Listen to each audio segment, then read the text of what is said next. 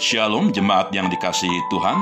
Sungguh suatu kemudahan Tuhan kita kembali dipersatukan dalam kasih Tuhan untuk kita bersama-sama mengikuti persekutuan doa Rabu pada hari ini tanggal 3 Februari tahun 2021. Tanpa terasa kita sudah masuk di bulan Februari, tepatnya minggu pertama di bulan Februari tahun 2021. Apa kabar semuanya? Saya berharap semuanya tetap ada dalam kondisi yang baik, kondisi yang sehat, tetap ada dalam pemeliharaan dan kasih Tuhan. Kita tahu bahwa Allah yang kita puja dalam Kristus adalah pribadi yang luar biasa. Dan mari kita bersama-sama memiliki satu tekad yang sama, memiliki kesehatian untuk kita boleh berjuang terlibat sebagai para pendoa syafaat ini adalah panggilan yang istimewa yang Tuhan karuniakan kepada kita sekalian. Saya sungguh bersyukur masih ada pribadi-pribadi yang tetap concern, pribadi-pribadi yang tetap mau setia sebagai para pendoa syafaat. Mari kita akan datang pada Tuhan, kita minta pimpinan Tuhan lebih dahulu. Bapa di sorga, Bapa dalam nama Kristus Yesus, mohon pimpin kami semuanya. Kami sungguh menaikkan pujian dan syukur untuk waktu yang Tuhan karuniakan bagi kami.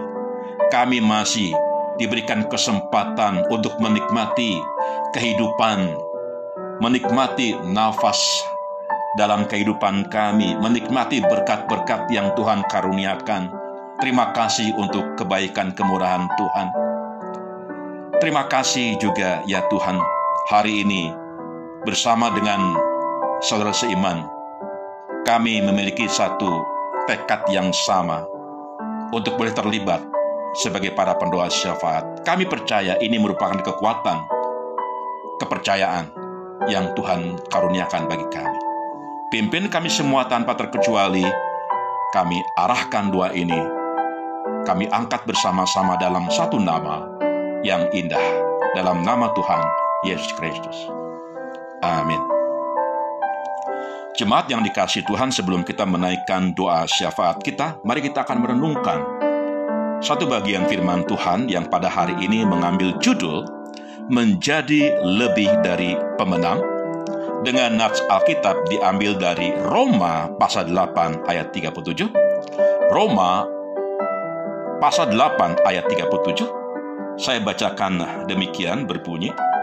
Tetapi dalam semuanya itu kita lebih daripada orang-orang yang menang oleh Dia yang telah mengasihi kita. Satu nas Alkitab yang luar biasa, satu pernyataan Paulus yang didasarkan pada keyakinan imannya bahwa jemaat di Roma adalah pribadi yang lebih dari pemenang. Dan saya percaya bahwa pesan ini tidak hanya disampaikan kepada jemaat yang ada di Roma pada waktu itu, tapi juga ini diarahkan, dialamatkan kepada kita sekalian, orang-orang yang percaya di lingkup Gereja Baptis Indonesia Selapajang Jaya yang tetap setia melayani sebagai para pendoa syafaat. Menjadi seorang pemenang tentunya sangat dirindukan oleh setiap orang. Tentunya anak-anak Tuhan juga merindukan hal yang demikian. Seorang pemenang adalah seorang yang tetap bertahan dalam setiap persoalan yang dihadapinya dan memiliki sikap hidup yang positif, yaitu tetap mau bersyukur, mau berdoa senantiasa, dan terus melakukan segala sesuatu dalam memecahkan persoalan itu yang sesuai dengan kehendak Tuhan. Lawan daripada kemenangan adalah kekalahan. Orang yang terus kalah akan cenderung selalu mengeluh dengan persoalan yang dihadapinya dan juga dia lebih banyak menyalahkan orang lain. Dalam pandangannya orang lainlah yang menyebabkan dia sehingga dia mengalami kekalahan, kekalahan, persoalan, persoalan dan lain sebagainya. Inilah orang yang kalah dan berlaku seperti seorang korban dia cenderung playing victim. Seperti seorang yang sudah tidak memiliki kekuatan lagi. Dan tipe orang seperti ini adalah orang yang selalu kalah dan memiliki mentalitas korban atau dengan perkataan lain mentalitas pecundang. Pemenang bukanlah orang yang tidak pernah gagal. Pemenang bukanlah orang yang tidak pernah melakukan kesalahan. Pemenang bukanlah orang yang tidak pernah jatuh dalam hidupnya, akan tetapi pemenang adalah orang yang tidak mau hidup terus-menerus dalam kegagalan, dalam kesalahan, dalam kejatuhan. Artinya perjuangannya tidak berhenti pada saat kegagalan yang dia alami. Dia akan langsung bangkit dan terus berjalan mengikuti jalannya Tuhan. Seorang pemenang memiliki ciri-ciri yang ada dalam dirinya, dan kita akan melihat paling tidak ada tiga ciri seorang pemenang. Yang pertama adalah pemenang itu tahu identitasnya. Banyak anak Tuhan yang tidak paham identitasnya, mereka hanya tahu bahwa dia sudah jadi Kristen, sudah jadi anggota jemaat. Identitas diri kita dalam Tuhan adalah identitas yang lebih dari pemenang, seperti yang disampaikan dalam ayat Alkitab tadi, Roma 8 ayat 37. Firman Tuhan adalah perkataan Tuhan yang adalah kebenaran yang menyatakan bahwa kita lebih dari pemenang. Seorang pemenang adalah seorang yang hidup benar di hadapan Tuhan dan selalu melakukan hal-hal yang benar. Inilah yang perlu kita mengerti bahwa sebagai seorang pemenang pasti punya identitas, yaitu suka melakukan hal yang benar, suka berjalan dalam kebenaran.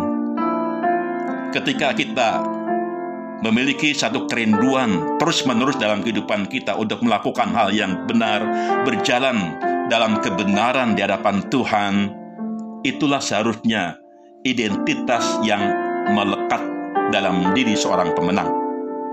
Ketika kita mengatakan bahwa kita adalah seorang pemenang, kita paham apa identitasnya. Mari kita akan renungkan bagian ini. Ini hal yang pertama yang harus kita ingat. Yang kedua, pemenang mempunyai sudut pandang yang berbeda dibandingkan dunia ini. Dalam menghadapi suatu yang sukar, terkadang kita terlalu melihat masalah dibandingkan mau melihat dan mencari Tuhan. Masalah, persoalan, beban yang jadi fokus saja, bukan malah mencari Tuhan saat masalah datang, justru seharusnya kita memiliki sudut pandang yang berbeda dibandingkan dengan kebanyakan orang lain, khususnya orang-orang dunia. Dengan iman kita selalu mau melihat dari sudut pandang yang benar. Ketika kita mau menerima Tuhan Yesus sebagai juru selamat pribadi kita, maka dengan iman kita percaya mengalami keselamatan dan ada di dalam kemenangan yang Tuhan janjikan. Inilah sudut pandang yang benar yang selalu kita pegang, bukan? Oleh karena itu, kita harus selalu mengingat dan memegang teguh bahwa dalam segala sesuatu yang terjadi dalam kehidupan kita, meskipun itu hal yang sukar, hal yang sulit, seharusnya kita tetap menyadari kita tetap mau berjalan dalam kebenaran. Karena apa? Sehingga suatu dibuat Tuhan untuk mendatangkan kebaikan. Kalau kita diizinkan Tuhan mengalami kesukaran, tantangan, kesulitan, persoalan demi persoalan dalam kehidupan kita, Mari kita akan melihat dalam sudut pandang yang berbeda, sudut pandang firman Tuhan, sudut pandang yang Tuhan. Kalau kita perhatikan dalam Roma 8 ayat 28, dikatakan demikian, Roma 8 28, kita tahu sekarang bahwa Allah terus bekerja dalam segala sesuatu untuk mendatangkan kebaikan bagi mereka yang mengasihi Dia, yaitu bahwa bagi mereka yang terpanggil sesuai dengan rencana Allah. Jelas dikatakan dalam bagian itu bahwa Allah turut bekerja dalam segala sesuatu untuk mendatangkan kebaikan bagi mereka yang mengasihi Dia. Dia Allah yang kita sembah bekerja dalam setiap hal, segala sesuatu untuk mendatangkan hal-hal yang baik bagi kita. Karena itu ketika kita diizinkan mengalami hal-hal yang sukar dalam hidup kita, ketika kita memandang Tuhan dan menyadari bahwa ada maksud Tuhan di balik semua itu, maka kita akan dikuatkan, diteguhkan, punya pengharapan, punya keyakinan. Inilah sudut pandang yang harus kita miliki Inilah ciri pemenang yang kedua, mempunyai sudut pandang yang berbeda dengan dunia ini. Yang ketiga, ini ciri pemenang yang ketiga, yaitu pemenang memiliki satu kesadaran. Pemenang bersikap tahu diri. Setiap keberhasilan dalam bentuk apa pun yang telah dicapai, semua harus disadari bahwa itu karena campur tangan Tuhan, karena intervensi Tuhan kalau tadi kita kembali menyimak Roma 8 ayat 28, semua itu terjadi didasari oleh karena kasih Kristus.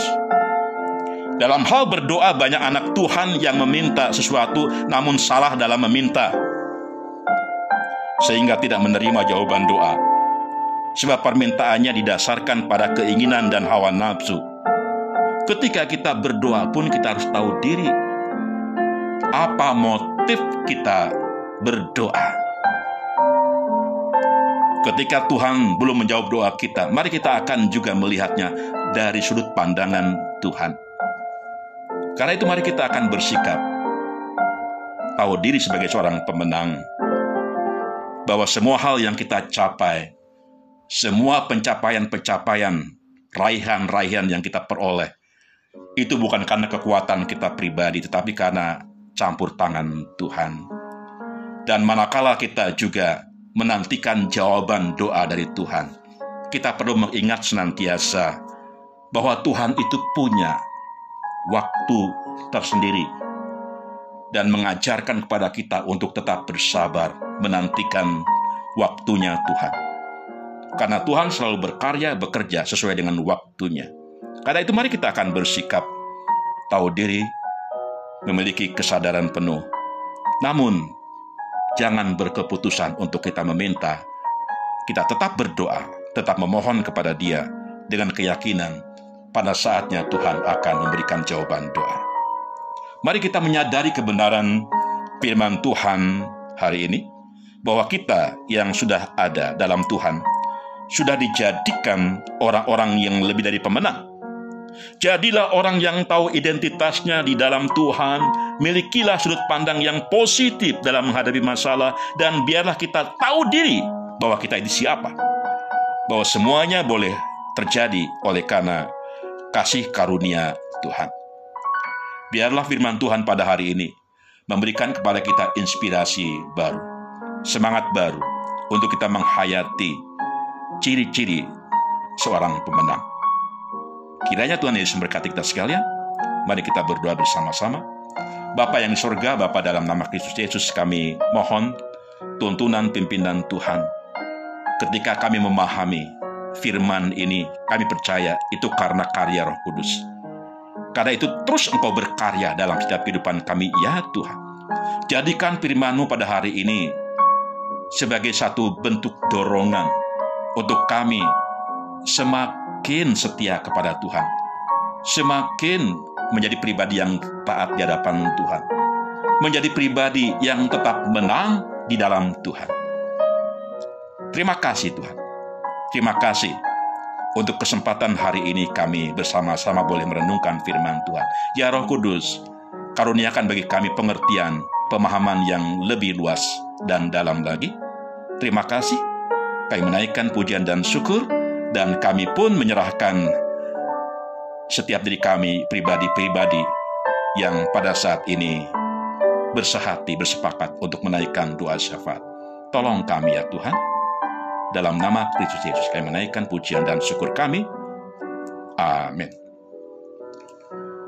Jemaat yang dikasih Tuhan, mari kita akan bersama-sama menaikkan doa syafaat.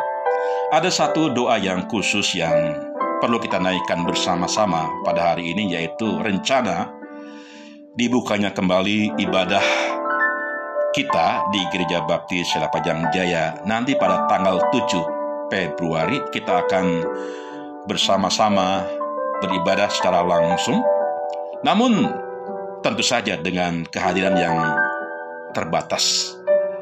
Karena itu saya berharap bagi orang-orang yang sakit, yang memiliki kelemahan fisik, harap jangan memaksakan diri untuk datang, tetap doakan saja, nanti akan juga dilayani secara online. Kiranya Tuhan Yesus memberkati kita sekalian. Selamat berdoa syafaat.